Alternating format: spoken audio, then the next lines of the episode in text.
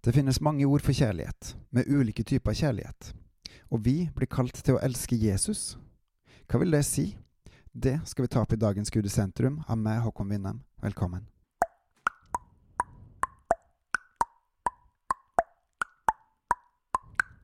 I Johannes 3 står det Det var en mann blant fariseerne som het Nikodemus.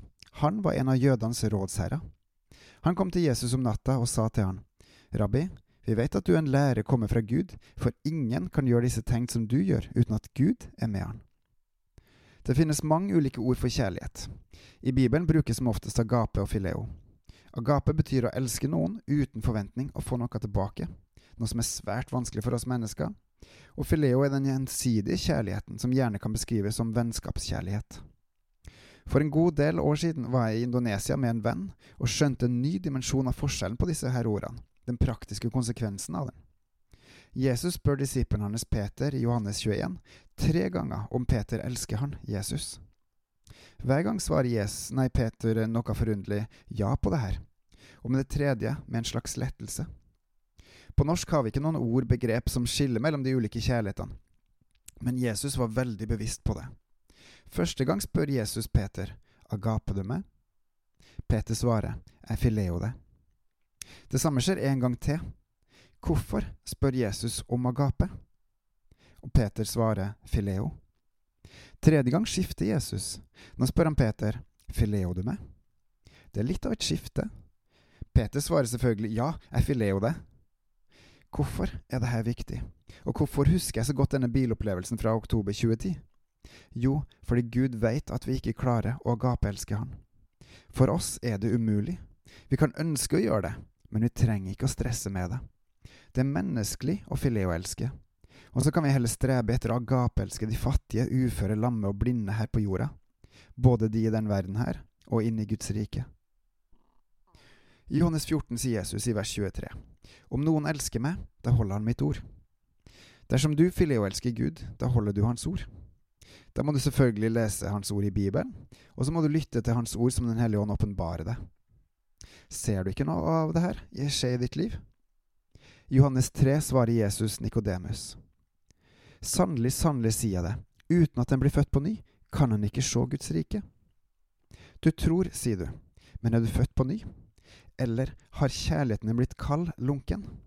Jesus sier videre i vers 5. Eh, uten at en blir født av vann og ånd, kan han ikke komme inn i Guds rike. Du er født med vann, dåpen, men har du ånden fortsatt, slipper du han til, eller holder du han på en eller to armlengders avstand? Vinden blåser hit og dit, du hører den suse, men du veit ikke hvor den kommer fra, og hvor den farer hen. Sånn er det med hver den som er født av ånden. Hei, er du drevet av ånden, eller går du i egen kraft? Den samme krafta som reiste Jesus opp fra dødsriket, han bor i hver og en som tror. Tror du det her, ja, så si det til han daglig at du vil lære han å kjenne, og be om hjelp i svakhet. Å tru er umulig uten Gud. Å vokse med han er umulig uten han. Vil du, så betyr det faktisk at Gud kaller på deg, på oss. Og Gud ønsker å gi sine disipler gode gaver, Den hellige ånd. Det her er helt fantastisk, for han vil ikke at vi skal være helt alene, men han er med oss for de som slipper han til. Lengter du nå? Så gjør noe med det, for Gud kaller på deg nå. Gå inn til han i filet og kjærlighet, fordi det er godt å kjenne Herren. Sannelig, sannelig, sier jeg dere, vi taler om det vi veit, og vitner om det vi har sett, og dere tar ikke imot vårt vitnesbyrd. Den hellige ånd har så mye han vil åpenbare for oss. I høst oppdaga jeg noe nytt. Hva vil det si å elske Herren? Er det snakk om å ha sterke følelser? Nei. Når Jesus sier at vi skal elske våre fiender, så er det jo selvfølgelig ikke med følelser. Når Gud elsker oss, er det med sterke følelser. Ja, både gode og dårlige. Gode fordi Han har skapt oss og alt i verden, og lengter etter at vi skal komme hjem til Han dårlige fordi vi gjør så mye ondt at han får vondt i hjertet og ser all nøden, urettferdigheten vi påfører hverandre. Og likevel elsker han. Hvordan? Jo, han ga oss det mest dyrebare han hadde. Ikke følelser, men handling. Og like som Moses opphøya slangen i ørkenen, slik skal menneskesønnen bli opphøya, for at hver den som tror på han, skal ha evig liv. Den man elsker, den vil man leve for, den innretter man livet sitt for. Jeg elsker kona og ungene, det viser mine valg i livet. Jeg kunne kjørt solo og bare vært interessert i mitt, men da ville vel livet mitt, mine valg, vist hva jeg virkelig elska, meg sjøl. Hvem elsker du?